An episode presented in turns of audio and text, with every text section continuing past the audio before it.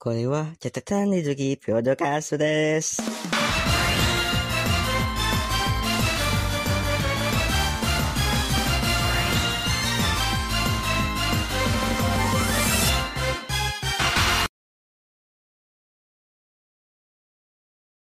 Assalamualaikum warahmatullahi wabarakatuh. Halo semua, kembali lagi bersama aku di catatan Rizuki Podcast. Di episode kali ini aku bakal membahas sebuah, bukan sebuah sih, sebu, eh, RUU RUU yang kontroversial bersama kawan aku Halo, Bang Rizu. Vian. Halo Vian. Gimana nih? eh, Ah, sekolahnya SMA masuk SMA Telkom mana? Bandung nih, Bang. Udah, udah ngambil jurusan belum? IPS.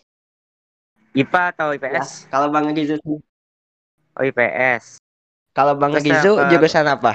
Ya. Oh, IPA. IPA sih.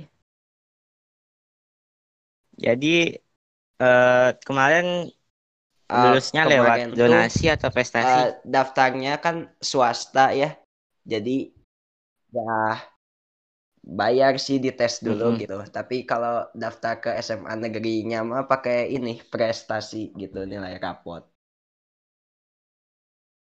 Ya Telkom swasta. Kegiatan selama libur apa aja nih? Ya podcast, bikin podcast, terus eh, ya baca-baca, main bola, main ya gimana lagi Di sana masih main pakai bola Main. plastik atau udah pakai itu lapangan? Eh, ada lapang sih tapi mainnya pakai masih pakai bola plastik soalnya lapangnya dekat-dekat rumah warga lah kalau pakai bola yang keras kan bisa kena kaca fatal akibatnya Oh mantap sih. Jadi kali ini kita bakal bahas RUU nih. Ada sekitar 6 RUU yang bakal kita bahas kali ini. Ada RUU. Minerba yang udah jadi undang-undang. Terus ada RUU Cilaka Mm. atau Omnibus Law. Yang ketiga ada RUU KUHP. Yang keempat ada RUU PKS. Yang kelima RUU HIP. Terus yang terakhir ada RUU Pemasyarakatan. Kita mulai dari yang pertama dulu nih Oke. eh, yaitu Undang-Undang Minerba. Eh, kira-kira apa sih yang. Vian tahu tentang Undang-Undang Minerba ini? Ya pastinya eh, yang aku tahu nih tentang RU Miner- Minerba ini ya pastinya ada unsur pertambangan. Itu yang paling pe- penting terus mengeksploitasi segala kekayaan alam kita. Nah, yang terbayang di otak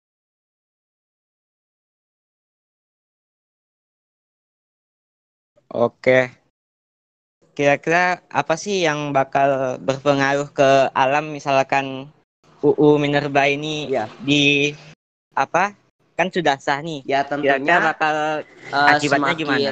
mungkin kan RU Minerba ini memberi apa ya eh, keistimewaan kepada para eh, investasi pertambangan gitu. Nah, urgensinya juga eh, ke lingkungan yang paling fatal karena pasti alih fungsi lahan terjadi untuk lahan pertambangan dan ketika eh, alih fungsi lahan itu terjadi bisa memicu kenaikan suhu ataupun satwa-satwa liar yang mulai kehilangan tempat tinggalnya sehingga akan banyak satwa-satwa liar nanti yang menginvasi ke rumah-rumah warga gitu ke rumah-rumah penduduk dan sehingga ya jadinya berbahaya. Jadi bukan bagi para rakyat saja urgennya tapi bagi para semua makhluk hidup juga gitu. Sedangkan Indonesia itu kan terkenal dengan negara agraris. Nah jika kekayaan alamnya terus di lahan-lahan terus dieksploitasi terus dihabisin lah pastinya akan memicu kenaikan suhu dan segala macam kerusakan alam pasti dalam skala besar akan Oh, oke. Mengenai alih fungsi lahan nih, eh, ada suatu pasal yang menyinggung tentang alih fungsi lahan yaitu pada pasal 162. Isinya gini, setiap orang yang melintangi atau mengganggu kegiatan usaha pertambangan dari pemegang IUP, IUPK, IPR atau SIPB yang telah memenuhi syarat-syarat sebagaimana dimaksud dalam pasal 136 ayat 2 dipidana dengan pidana kurungan paling lama satu tahun atau denda paling banyak 100 juta rupiah. Kira-kira ini kayak secara tidak langsung mengkriminalisasi ya, warga gak sih? Ini jelas pasal yang jelas mengkriminalisasi rakyat.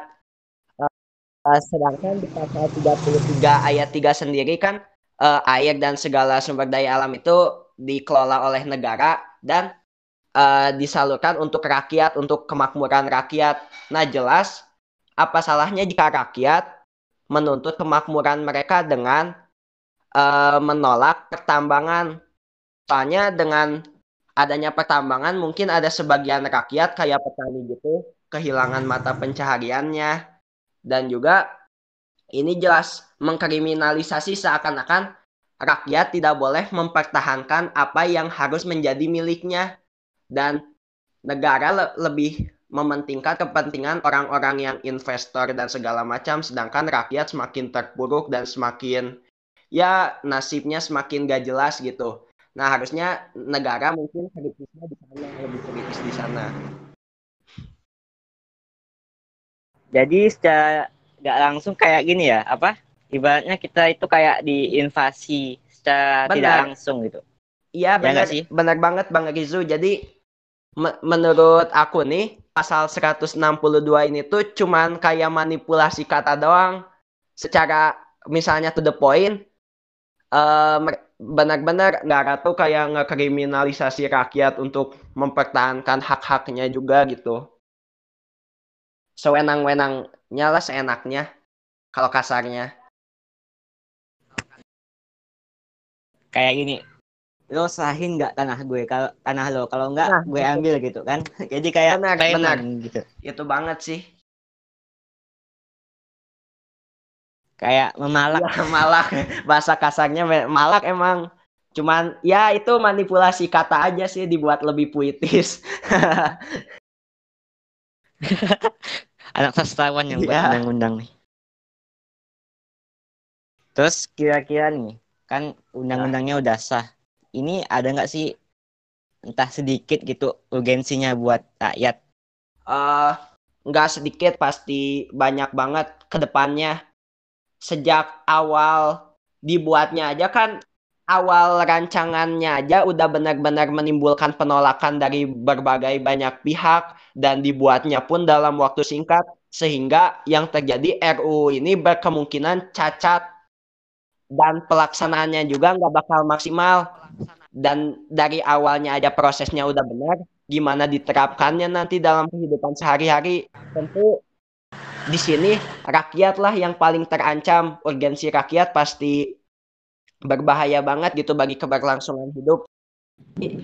Ke depannya rakyat bakal mengalami ya ketimpangan hidup yang luar biasa gara-gara dirugikan akibat RUU ini seperti petani dan segala macam yang kehilangan lahan pertaniannya uh, untuk dialihkan sebagai lahan tambang karena aku yakin negara pun pasti uh, gak mau sih menampung para petani yang kehilangan mata pencahariannya ini gitu. Uh, dampak UU Minerba di berbagai sektor selain kepentingan rakyat apa aja? Misalnya pendidikan gitu, ada nggak? Uh, kalau ya kita bahas dulu nih ke lingkungan pasti dampaknya ke lingkungan juga kan. Uh, lingkungan.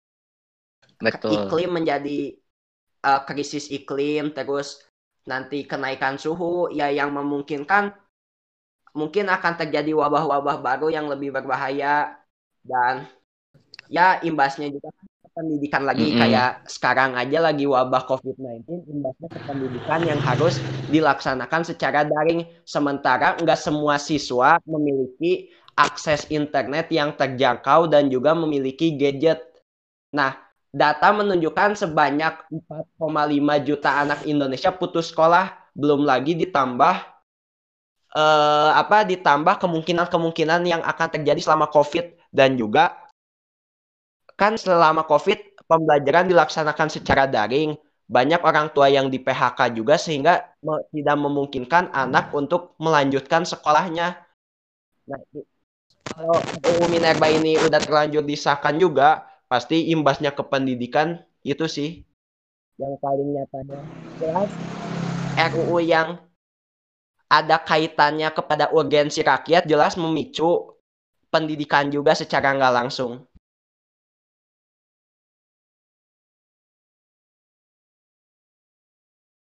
Kira-kira kalau dampaknya ke ekonomi gimana?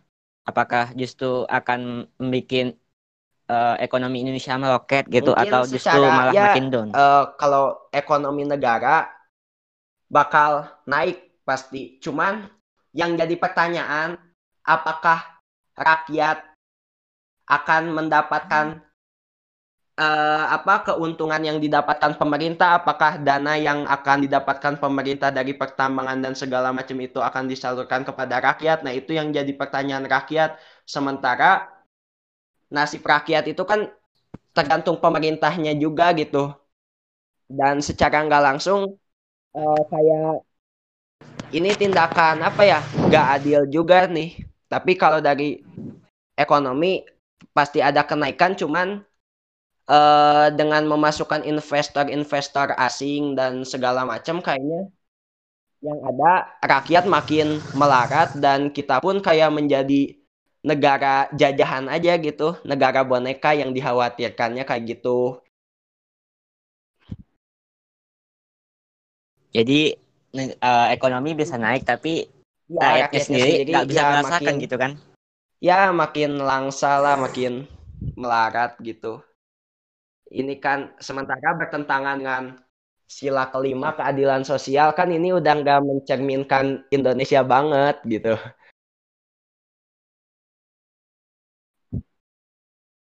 Nah, kan kemarin nih ah, ya. UU-nya udah Benar. kecolongan buat disahkan. Kira-kira ada nggak sih buat apa Mengga, uh, menggugat uh, pertama, UU yang ya, sah Aku mau nyinggung dulu ya teman pengesahan UU juga kan kenapa menimbulkan kecurigaan orang banyak karena pertama RUU-nya tuh nggak secara transparan diliatinnya tuh baru ya udah akhir-akhir mendekati disahkan. Nah, terus dibuatnya waktu lagi pandemi dan secara instan gitu dibuatnya uh, kebut semalam lah kalau bahasa istilahnya. Jadi jadi kayak kayak ngebet gitu ya? Gimana ngebet rakyat nggak curiga gitu? RUU nggak ditampilkan secara transparan ke rakyat. Nah bagaimana rakyat nggak curiga? Bagaimana rakyat nggak menimbulkan protes? Sedangkan ketika rakyat mau protes kan kemarin covid lagi belum ada pelonggaran PSBB juga. Jadi ya mau nggak mau rakyat harus kecolongan. Dan cara yang paling tepat untuk menggugat ketika RUU udah disahkan itu ke MK nanti MK bisa ngajuin ke MA sih cuman uh, harus dengan ya harus dengan pendapat diiringi dengan pendapat yang kuat juga uh, untuk bisa menggugatnya gitu. Bisa digugat ke MK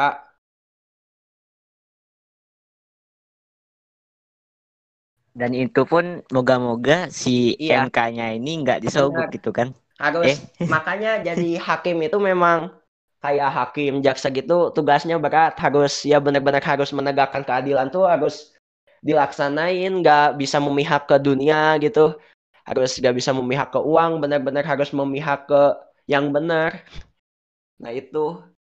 Takutnya kan mereka uh, kayak nggak mau memihak ke rakyat gitu dan segala macam. Sebenarnya kalau menggugat pun bisa. Oke lanjut. Oke. Kita ke RUU selanjutnya yaitu RUU Omnibus Law. Kemarin kan pas di hari Kamis ya 16 Juli pada rame tuh uh, ngepung gedung DPR ya, di Bandung. Terus katanya gini uh, Omnibus Law-nya kayak di belum ditentuin bakal lanjut atau enggak. Ya. Agustus nanti bakal lanjut nah. lagi. Nah, kira-kira apa sih yang kita harus tahu tentang Omnibus Law ini? Ya. Jadi Omnibus Law ini ya RUU di mana pemerintah memberikan keistimewaan bagi investor, baik keistimewaan ya kekayaan negara berupa sumber daya alam pasti diberikan secara istimewa dan secara cuma-cuma untuk para investor. Nah, sehingga para pekerja-pekerja kecil seperti petani, buruh, uh, mereka akan tersisihkan dan juga di pasal ini terdapat beberapa pasal kontroversial yang diskriminasi buruh lah. Kayak apa uh, gak ada cuti bagi buruh yang uh, hate atau segala macam gitu kan. Jadi terus pengurangan pesangon PHK nah itu dinilai kayak seakan-akan mengintimidasi dan mendiskriminasi para buruh gitu sementara investor diberikan kewenangan se semegah-megahnya. Nah, itu. Berarti ini ya uh, sebenarnya antara UU Minerba sama Omnibus Law ini kayak saling berkaitan gitu kan? Iya. Secara nggak langsung. Gitu. Jadi ya ini juga sama sih celaka bagi rakyat juga ini. Betul. Um, berarti di Omnibus Law ini investor yang lebih diuntungkan kan? Investor sangat diuntungkan. Sangat. Sangat bukan lebih diuntungkan lagi tapi sangat karena ya pemerintah memberikan keistimewaan ke investor sementara menyisihkan rakyat-rakyat kecil gitu me mengesampingkan rakyat-rakyat kecil. Dan pastinya eh, RUU ini dikebut. RUU ini juga kan dirancangnya waktu lagi pandemi-pandemi kayak gini kan disahkan jadi ya bisa memicu cacat juga. Nah secara gak langsung juga menimbulkan kecurigaan rakyat juga apakah DPR mendapatkan keuntungan dari RUU ini atau enggak soalnya DPR tuh kayak ngebet banget lah istilahnya kayak ingin banget kayak ada sesuatu yang uh, mereka akan dapatkan dari RUU ini gitu dengan pasal-pasal yang pastinya kontroversial juga dan memicu ya perdebatan gitu. Kira-kira yang bakal terpengaruh oleh omnibus law ini cuman buruh atau pekerja kantoran juga? Uh, kalau pekerja kantoran sih uh, juga terpengaruh tapi sedikit juga karena uh, bakal ada yang namanya itu kan kontrak seumur hidup gitu pengusaha bisa mengkontrak seumur hidup dan segala macam ya pasti uh, ke pekerja juga berpengaruh cuman ya nggak berpengaruh berpengaruh banget kan. Soalnya uh, investor ini kan pasti akan mengalihfungsikan beberapa lahan menjadi tempat industri. Nah ini jadi, bisa jadi tempat buat para pekerja gitu. Tapi uh, menurut aku pekerja nggak terlalu berdampak. Cuman paling berdampaknya paling nyata ya ke petani dan buruh. Berarti ke rakyat yang emang emang kecil gitu ya? Iya uh, kira-kira yang dimaksud investor ini yang udah tingkat atas atau yang kayak ya usahaan UMKM gitu? Ya pastinya yang udah tingkat atas. Kalau UMKM kan kayak masih kecil-kecilan gitu, tapi UMKM kayaknya nggak terlalu berdampak karena mereka ya punya usaha sendiri gitu. Nah, yang dimaksudkan investor ini investor-investor yang memang udah kelas atas yang ingin menanamkan saham di suatu wilayah atau negara gitu. Dengan maksudnya mengeksploitasi terus sumber daya yang ada di suatu wilayah tersebut. Nah, investor yang dimaksud di sini tuh yang seperti itu kalau menurut aku. Uh, dampak RUU Omnibus Law yang Vian tahu selain di penindasan buruh apa aja kalau di berbagai sektor?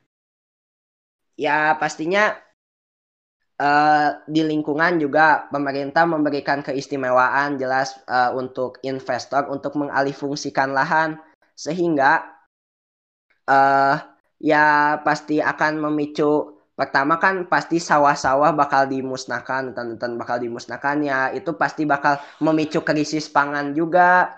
Kemarin aja uh, sempat ada kabarnya bahwa Indonesia krisis pangan waktu pandemi gara-gara yaitu kita terlalu sering membangun sampai lupa menanam. Nah, jadinya itu nyatanya krisis pangan. Terus pekerja seperti petani, buruh, nanti banyak yang tersisihkan sehingga banyak pengangguran di mana-mana, banyak PHK, banyak ketimpangan sosial, ketimpangan pendidikan. Nah, itu sih uh, makanya kemarin di aksi Gejayan memanggil itu uh, ada spanduk bertuliskan tolak omnibus law dengan mogok bekerja kan. Nah, dengan mogok bekerja itu ini yang bahaya berarti rakyat benar-benar menggugat pemerintah karena jika ya para pekerja gitu mogok kan berarti bukan hanya mereka yang dirugikan tapi untuk eko perekonomian Indonesia juga pasti bakal turun drastis. Nah, ini benar-benar suatu apa ya? Suatu tamparan keras bagi pemerintah betapa marahnya rakyat dan betapa menggugatnya rakyat gitu. Nah, yang sektor kesehatan pasti akan memunculkan wabah-wabah baru seperti RU Minerba tadi soalnya dengan uh, alih fungsi lahan tersebut memicu kenaikan suhu, uh, iklim gak menentu, anomali cuaca dan juga satwa-satwa liar yang banyak lepas, terus hewan-hewan langka juga semakin punah di Indonesia yang memiliki keestetikaan tertentu, keindahan tertentu, ciri khas tertentu. Nah, itu bagi lingkungan, bagi bidang pendidikan, uh, jangan harap kita-kita nih pemuda akan bekerja suatu saat nanti akan bekerja dengan idealisme kita gitu. Melainkan tenaga dan pikiran kita hanya digunakan untuk industri terutama kayak misalnya atlet nih. Atlet di Indonesia kayak contohnya sepak bola aja kan nggak terlalu maju dalam bidang prestasi. Sedangkan ketika Omnibus Law ini disahkan mungkin intinya para atlet juga bakal ujung-ujungnya bakal menuju uang lagi sektor industri. Pokoknya segala sesuatu yang memberikan keuntungan untuk investor ya pasti di ini kan ber, berupa tenaga dan pikiran kita juga pasti akan digunakan untuk industri. Jadi kita apa ya seakan-akan gak bisa improvisasi lah melakukan improvisasi terhadap apa yang kita mau seperti itu. Jadi kayak cuman binatang peliharaan gitu ya? Itu. Kasarnya itu kita kayak cuman binatang peliharaan untuk mewujudkan yang mereka inginkan gitu. Sedangkan uh, Indonesia prestasinya aja masih minim. Uh, apalagi negara nggak mau membiayai riset-riset yang dilakukan oleh anak-anak gitu kan, uh, apa sarjana-sarjana gitu kan, sehingga ya yang dikejar nanti bukan prestasi melainkan hanya uang, uang, uang gitu. Uh, soal krisis pangan tadi itu agak ironis ya, soalnya kita ini kan kaya sumber daya alam gitu, kok bisa-bisanya krisis pangan? Yang itu yang kan aneh gitu. Ya gak lucu itu kalau kita terkenal dengan negara agraris yang kaya akan sumber daya alam, namun di negaranya krisis pangan sehingga negara agraris cuma julukan-julukan ya yang omong kosong lah dan ini sangat memalukan sekali sih sangat ya kalau misalnya negara lain memperhatikan Indonesia krisis pangan mereka bakal ketawa-ketawa sih lucu aja di negara yang notabene negara agraris, negara dengan iklim yang baik, tropis gitu, uh, kaya akan sumber daya alam, terus krisis pangan, nah ini yang gak gak gak banget gitu. Kalau kita pikir secara akal sehat kan itu apa? Uh, kita itu seharusnya bisa swasembada pangan sendiri, ya. tapi malah kalau impor impor terus kan kayak malu gitu. Hmm iya itu terus kita ya sok bang gitu dulu oke kalau kita berpikiran agak liar nih hmm. kira-kira uh, siapa sih yang berkonspirasi yang ngebet banget di balik perumusan UU RUU Minerba sama Cilaka ini? Pasti para oligarki yang mencoba mengotak-ngatik pemerintahan dan mencari kesempatan di dalam kesempitan itu kan pemerintah kita ini hanya boneka yang dijadikan ya bahan untuk mencari kesempatan para oligarki. Nah, di situlah permainan, di situlah monopoli. Jadi Indonesia ini terkesan menjadi negara monopoli. Jadi secara nggak langsung kita ini sedang dijajah dan uh, istilahnya ya kita mengalami masa imperialisme lagi cuman ya yang nggak kelihatan secara langsung bukan berupa fisik bukan berupa apa tapi berupa monopoli seperti ini aja udah wujud dari imperialisme yang ini sih yang terjadi di negara kita saat ini kira-kira ada nggak sih uh, oligarki yang bisa disentil? Kayak identitas langsung gitu? Wah kurang tahu sih bang. Kalau itu pastinya para investor kali aja bisa nyentil-nyentil dikit. ya paling ya para investor investor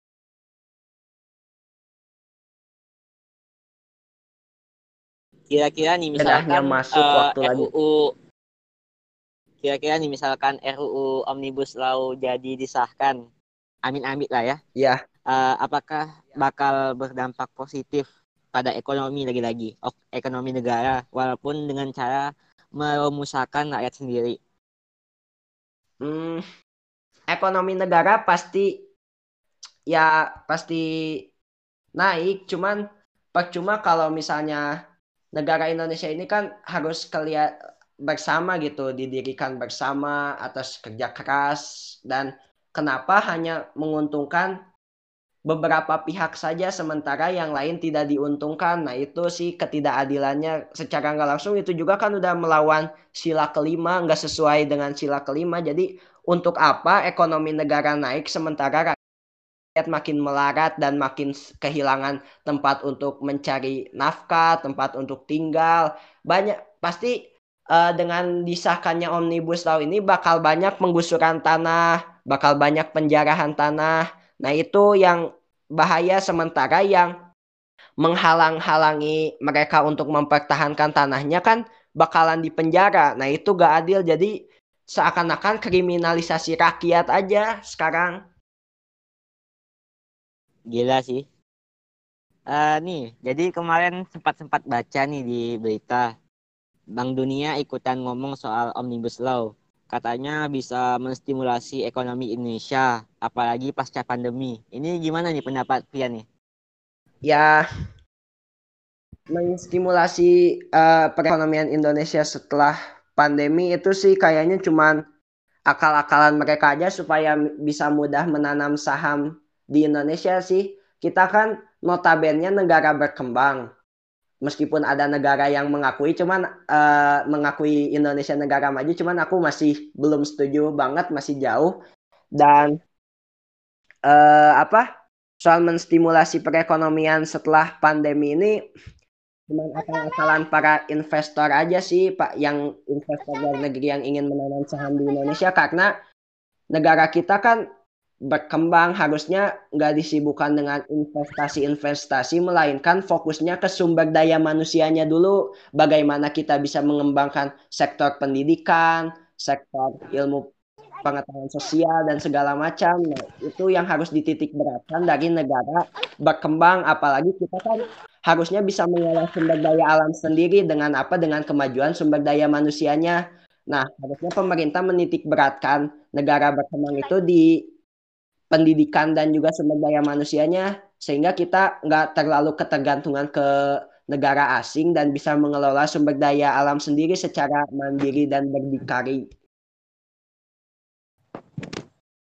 Uh, kita berharap aja lah uh, semoga undang-undang eh, eh rancangan undang-undang ini nggak jadi disahkan. Soalnya kalau disahkan ya Bang Rizu, kemungkinan-kemungkinan yang akan terjadi bakal lebih fatal. Bisa aja nanti uh, kasus 98 yang kita nggak mau uh, ulang gitu kan yang aku aja kan belum lahir ya tahun itu tapi ngelihat cuplikannya aja udah ngeri. Ini pasti bakal menimbulkan banyak penolakan. Kemarin aja benar-benar penolakan itu benar-benar wah uh, besar-besaran lah. Apalagi kalau udah disahkan gitu pasti rakyat bakal marah besar sehingga terjadi kericuhan yang enggak kita inginkan banget. Indonesia harus tetap baik-baik aja gitu. Itu sih harapannya. Uh, soal kemarin kalau nggak salah itu ya yang demo di Bandung diculik atau gimana nih? Ya kemarin uh, sebagian orang yang demo di Bandung itu di tiba-tiba dilakukan sweeping sama aparat dan dilakukan kekerasan gitu sementara mereka tuh nggak menghina nggak apa mereka melakukan aksi damai. Hanya saja yang di kampus-kampus yang pakai baju hitam itu di sweeping sama uh, aparat dan ditahan semua gitu kan sama aparat. Nah ini sih gak adil. Soalnya kan Indonesia notabene negara demokrasi mau nggak mau suara rakyat harus ditampung oleh pemerintah. Uh, ini aja baru ya baru ikut aksi baru berdiri aja udah di sweeping satu-satu. Kan ini menandakan Bandung atau Indonesia itu darurat demokrasi. Untuk apa de negara demokrasi disuarakan terus kalau misalnya yang melakukan aksi-aksi demo seperti ini aja padahal aksinya dengan damai di sweeping gitu oleh aparat dilakukan kekerasan bahkan. Nggak sedikit mahasiswa yang melakukan kekerasan pukulan dari aparat. Nah itu kan aparat juga nggak mencerminkan tugasnya sebagai pengayom masyarakat. Terus tadi yang baju hitam itu apa? Ya soalnya kan ya inst uh, apa di demo itu kan uh, instruksinya uh, aksi itu menyembunyikan identitas terus pakai baju serba hitam lah nggak bau nggak oh. mater nah itu jadi yang baju pakai baju hitam di sana itu di sweeping jadi dikiranya ikut aksi gitu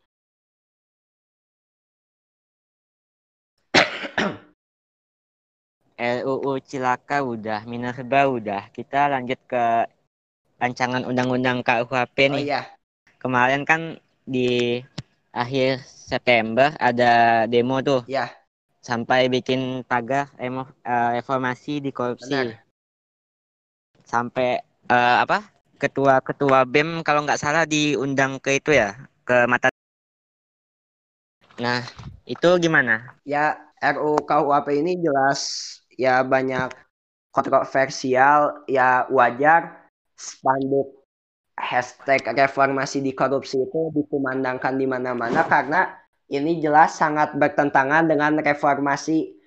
Bahkan uh, ada yang bilang ini tuh bakal menjadi orde baru jilid 2 nah jelas dari pasalnya aja udah ada nih pasal yang ngaco ini kebebasan pers dan pendapat benar-benar diatur nantinya yang me menyerang kehormatan atau harkat martabat diri presiden dipidana gitu. Nah, berarti ini kan pers aja udah diatur. Jadi ya dari ininya aja udah maklum aja reformasi di korupsi dikumandangkan di mana-mana, Orde Baru Jilid 2 dikumandangkan di mana-mana gitu. Salah satunya ini jadi kita nggak bisa kayak menyuarakan aspirasi dan mengganggu bukan mengganggu sih kayak apa ya ikut serta dalam pemerintahan lah gitu. Sementara kan demokrasi itu uh, pemerintahan yang di mana kedaulatan rakyat itu tertinggi gitu. Dan uh, pasal ini yang kontroversial pasal 218 ayat 1 ini takutnya gini disalahgunakan. Soalnya kan di sini di kata-katanya itu menyerang kehormatan atau hmm. harkat dan martabat diri. Takutnya gini, uh, bu, uh, orang ini bukan ingin menyerang tapi cuma sekadar mengkritik lalu tiba-tiba hmm. ditangkap di tangan uh, didatangin ke rumah ketuk-ketuk ya. oleh polisi kan. Nah, ini Ngeri yang gitu. jadi permasalahan uh, kembali lagi nih RUU ini pemerintah ini pandai dalam merangkai kata dan memanipulasi kata uh, mungkin menyerang kehormatan dan martabat diri presiden. Oke okay lah. Nah takutnya benar-benar disalahgunakan kalau misalnya kayak yang terus terang kayak yang menyinggung presiden dengan bahasa kasar dan gak pakai etika banget. Nah itu nggak apa-apa. Yang dilakukan oleh dipidanakan kayak menghina itu nggak apa-apa. Nah itu kan emang secara nggak langsung bukan hanya ke presiden nggak boleh. Misalnya aku bilang ke Bang Rizu dengan bahasa meledek Kang Rizu menghina Kang hmm. Bang Rizu dengan bahasa-bahasa kotor dan kasar kan itu juga udah ada pidananya juga pencemaran nama baik juga kan. Nah ini juga berlaku ke presiden cuman Iya. kenapa ini dikhususkan kepada presiden? Uh, takutnya disalahgunakan aja dalam negara demokrasi siapa pun boleh mengkritik asalkan dengan etika dan sopan santun. Kebanyakan pasal disalahgunakan. Betul. Orang yang mengkritik sedikit dengan ya kata-kata yang uh, bijak gitu dengan kata-kata yang halus sehalus-halus mungkin ditangkap kan ini yang gak lucu gitu. Demokrasinya jadi di mana? Reformasinya juga di mana gitu pasal-pasal kontroversial bukan hanya yang menyerang presiden sih. Uh, aku ada nemu satu nih. Uh, itu ada dua sih. Uh, yang pertama korupsi hanya ah. dipidana dua tahun uh, maksimal. Ya. Lupa juga.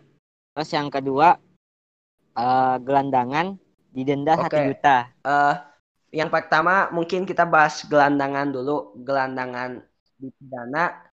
Okay. Uh, gini yang namanya gelandangan dapat uang dari mana pertama gitu kan? Ini menandakan uh, kacau juga ini pasal gitu. Gelandangan didenda satu juta kan yang namanya mereka ngegelandang buat ngemis gitu kan.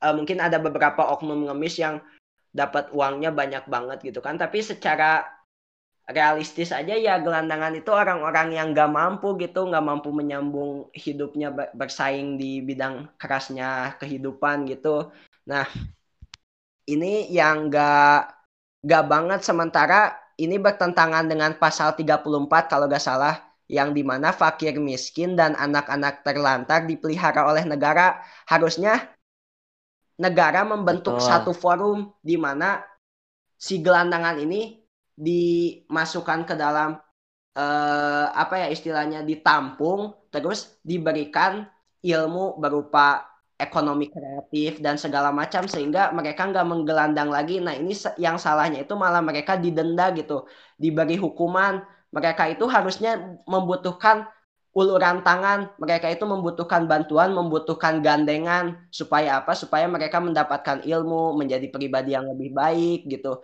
Ya sadar. Dan ini yang salahnya malah dipidana. Sehingga menurut aku orang-orang gelandangan ini nggak mempan kalau dipidana atau di apa gitu. Nggak adil maksudnya. Eh, makanya harusnya negara ini kritis gitu. Mereka tuh harusnya ditampung diberikan wawasan berupa ilmu ekonomi kreatif atau ya disuruh ngebuat-buat sesuatu gitu yang bisa uh, menambah perekonomian negara juga dibimbing lah istilahnya. Nah ini malah didenda ini nggak adil banget sih. Udah bertentangan dengan pasal 34 UUD 1945 jelas. Hmm, soal yang gelandangan tadi seharusnya itu ya uh, kartu prakerja disediakan untuk iya. orang-orang yang gelandangan ini gitu kan bukan kayak uang guru dan segala mm -hmm. dan sebagainya gitu kalau yang oh, kedua ya. tadi yang korupsi dipidana dua tahun gimana logikanya pelaku koruptor dipidana dua tahun sementara mereka aja di penjaranya di lapas Bancai yang aku lihat di dokumentasi Mata Najwa di penjaranya itu kasurnya bagus terus uh, mewah-mewah ada TV bisa no jaringan bagus bisa nonton Netflix. Apa itu nggak cukup dibanding rakyat yang cuma tinggal di gubuk kecil gak nyaman setiap hari merasakan kedinginan? Kan itu jelas-jelas di lapas aja udah enak.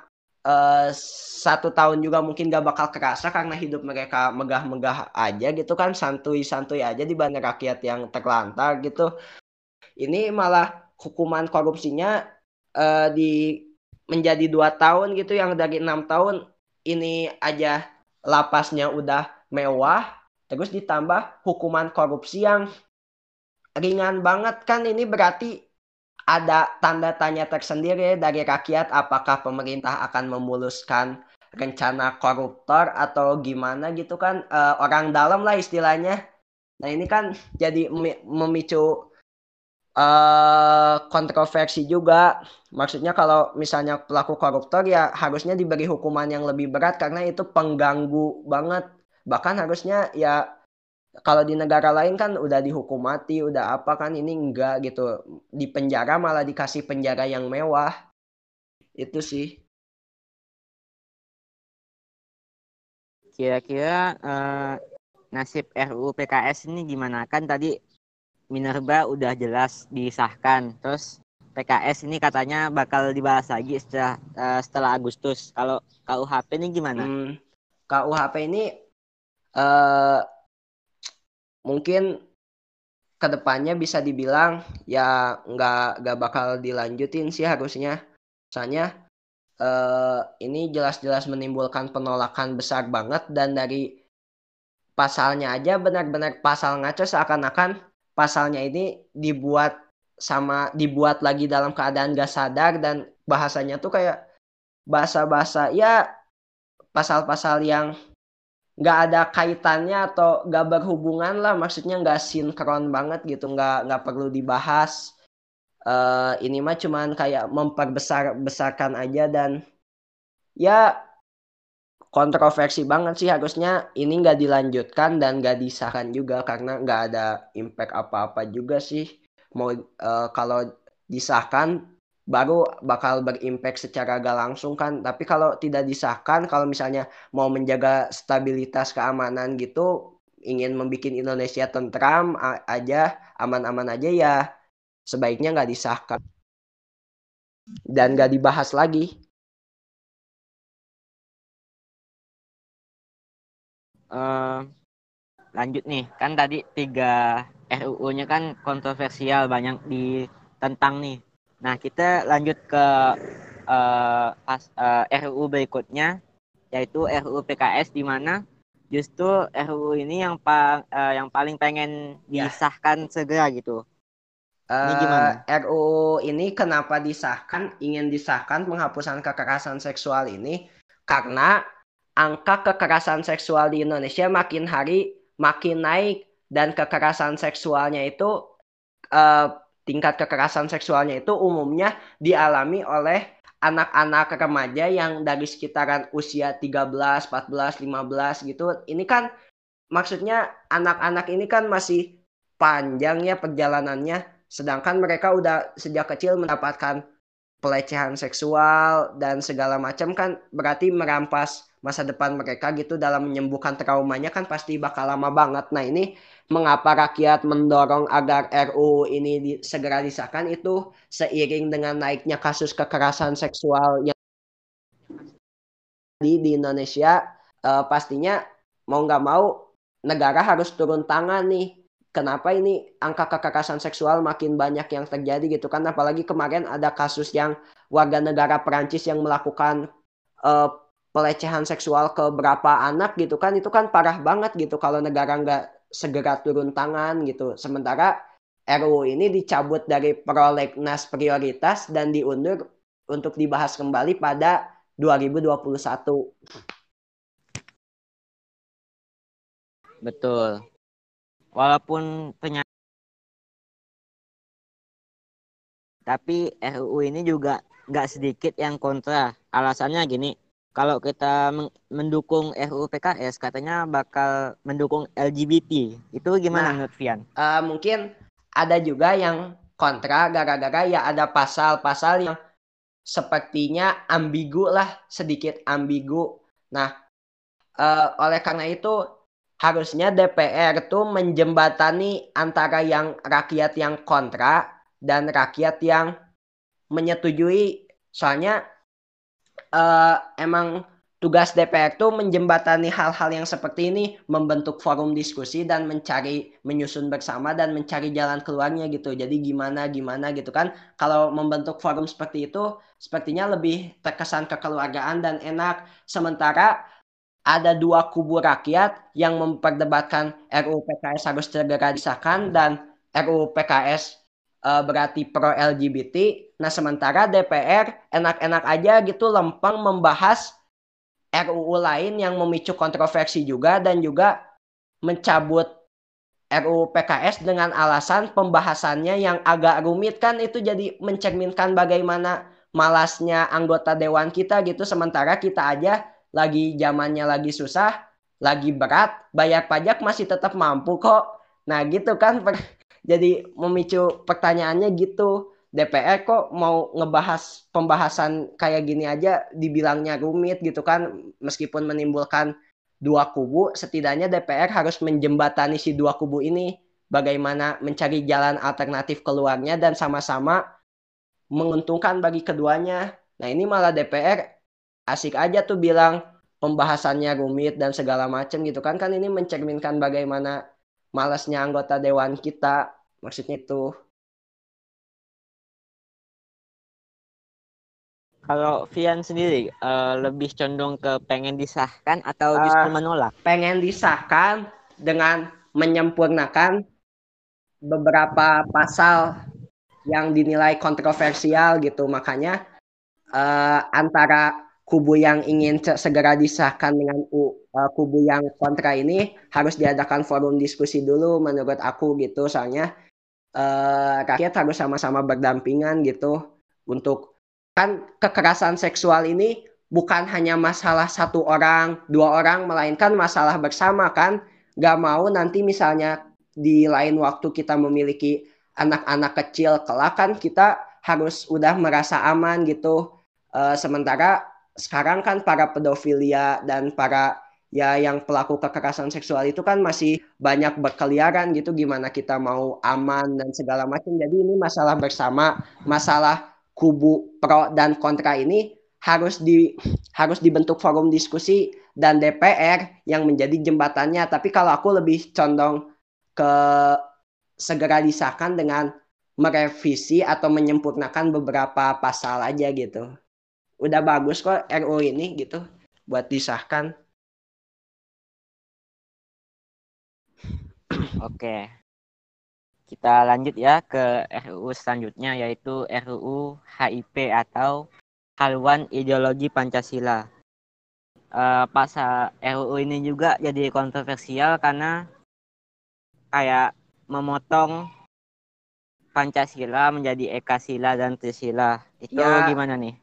Pancasila sendiri kan dibentuk atas dasar kebersamaan gitu, perbedaan pendapat kemudian disatukan jadi Pancasila. Pokoknya melalui proses yang sulit harusnya Pancasila dipandang sebagai satu kesatuan yang utuh dan tidak bisa dipisahkan menjadi beberapa poin.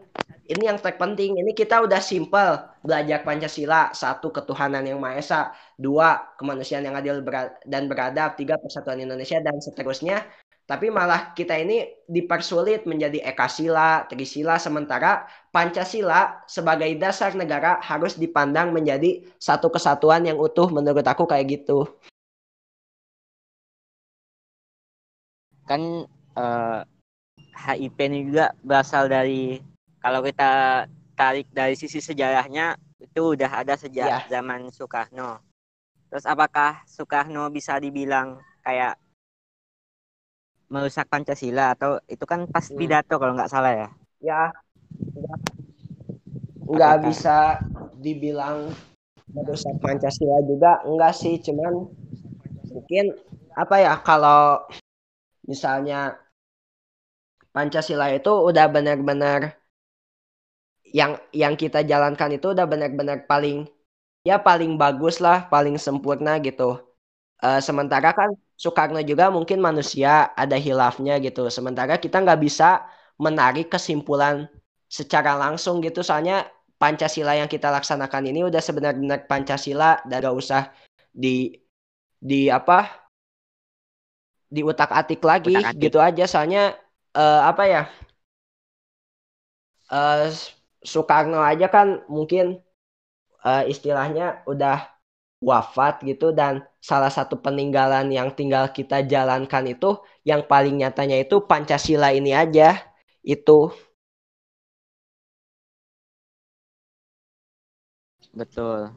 Terus kemarin kan uh, RUU HIP ini kan banyak di demo.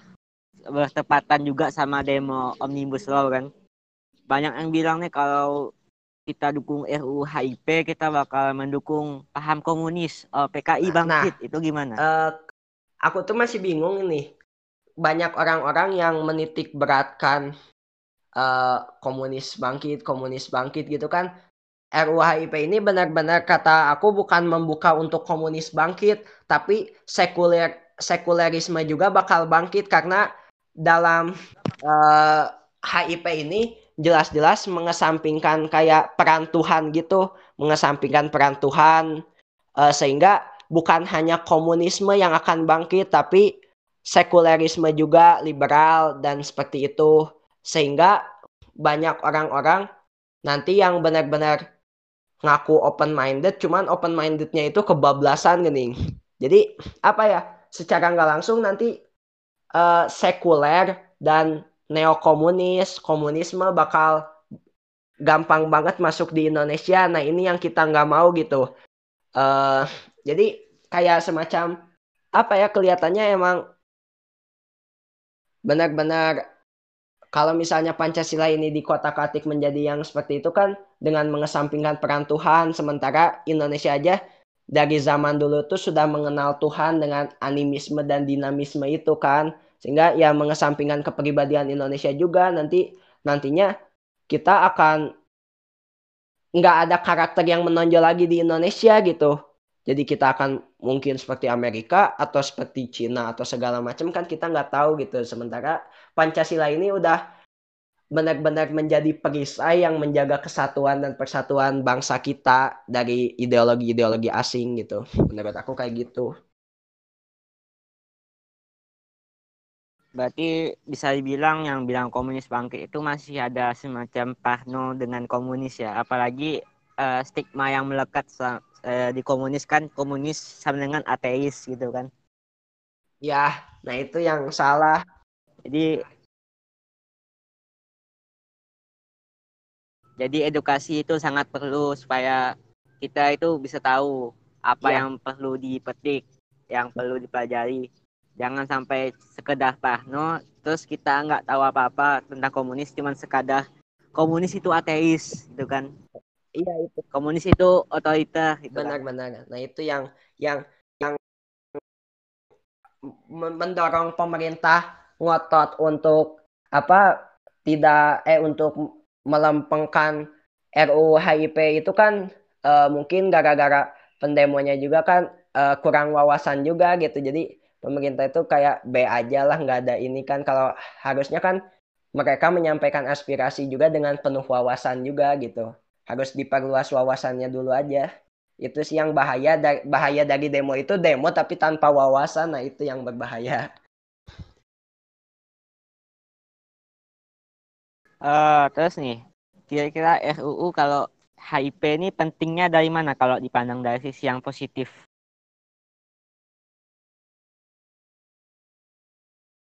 Kalau menurut aku uh, intinya apa ya?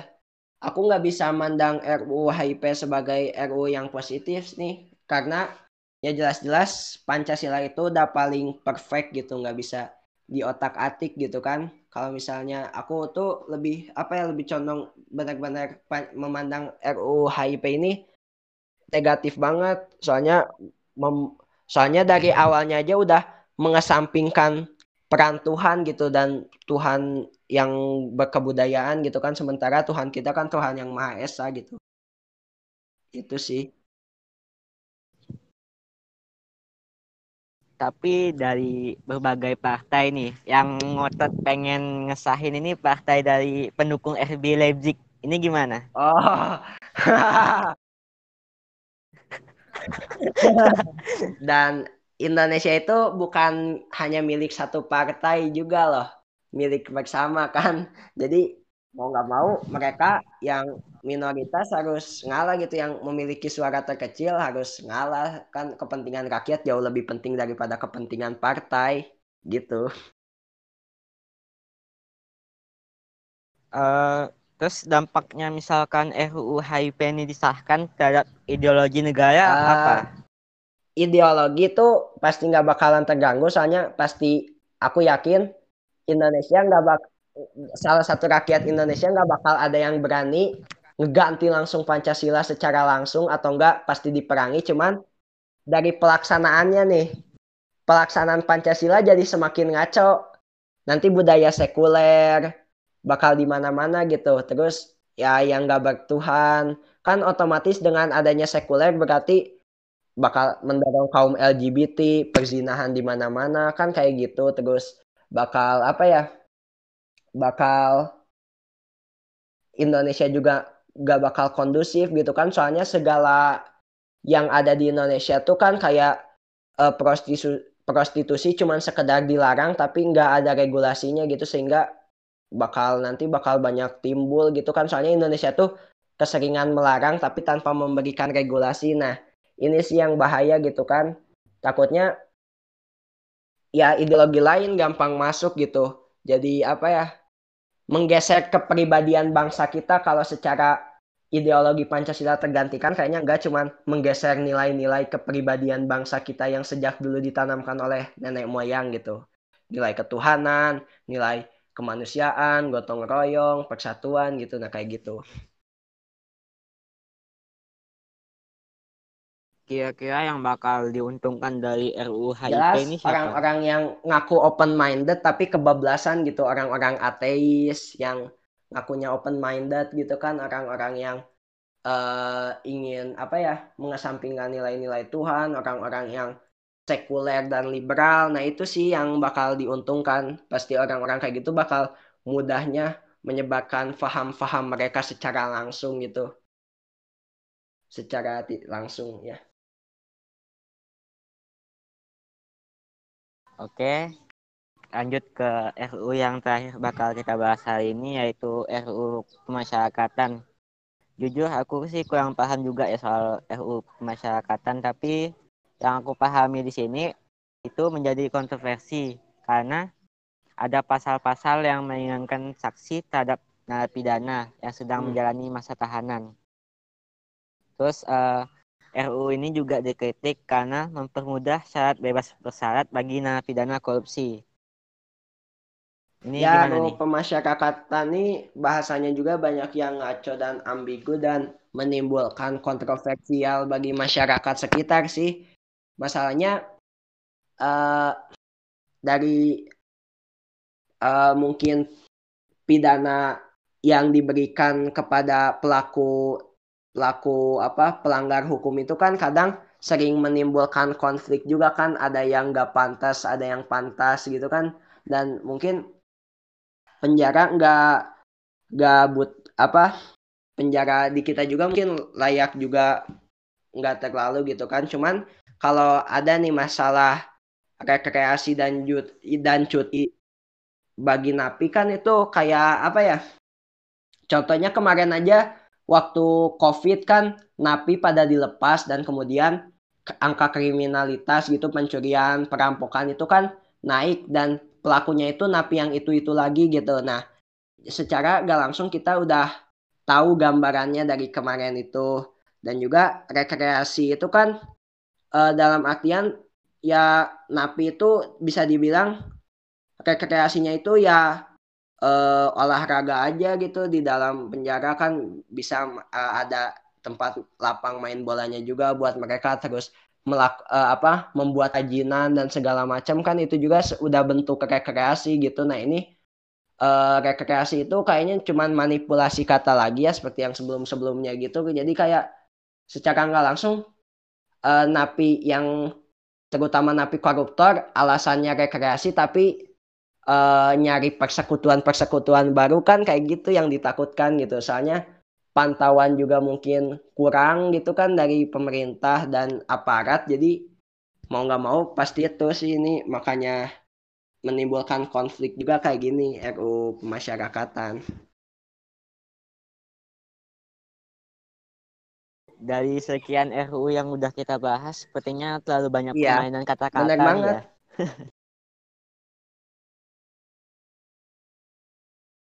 Terus uh, selain yang 6 RUU yang telah kita bahas hari ini, kira-kira RUU apa lagi sih yang kira-kira kontroversial gitu? Apa ya? Hmm. Kurang tahu juga sih. Masih masih awam lah bisa dibilang aku. masih mungkin rada agak terlalu awam jadi masih harus menambah wawasan lagi gitu. Tapi ya paling kontroversial nih emang 6 RU ya yang kita bahas ini gitu.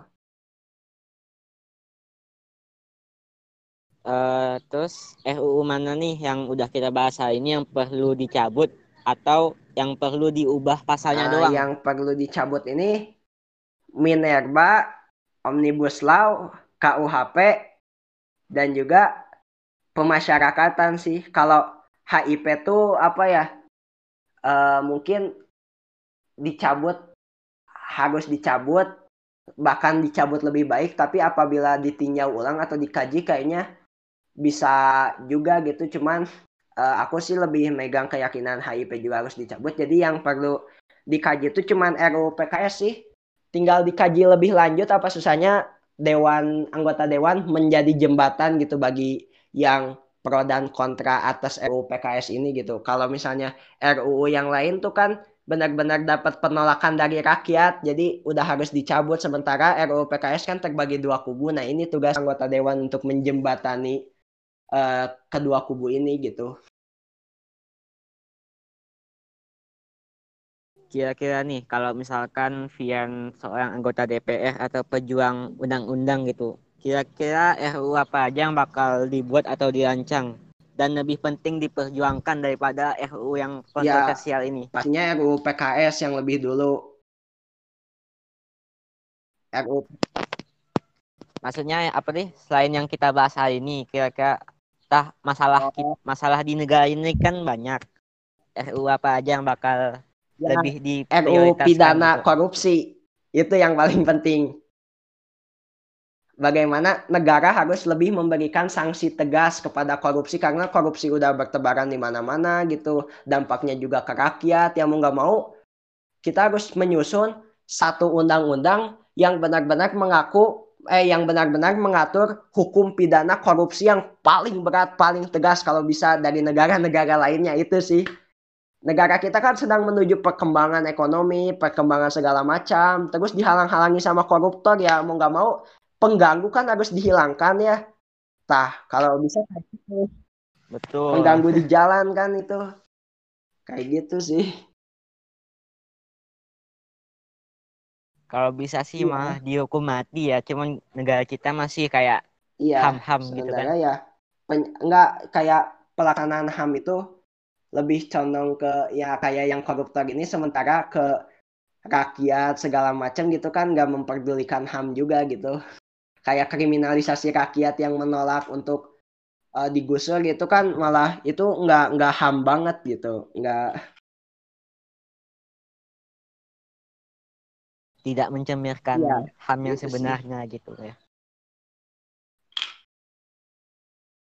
Oke, ya kayaknya cukup sih ya. E, segalanya udah jelas. Kita juga harus selalu kritis lah tentang keadaan negara kita jangan sampai negara kita hancur oleh oligarki oligarki gitu kan dan, dan apalagi hukum -hukum kita pelajar kan jadi harus lebih kritis pelajar itu Oke, makasih buat Vian yang udah ya, ngisi podcast kali ini. Semoga Amin. bermanfaat bagi kita semua. Yang nggak manfaat dibuang ya. aja gitu kan. Oke, sampai jumpa di podcast episode podcast lainnya. Assalamualaikum warahmatullahi wabarakatuh.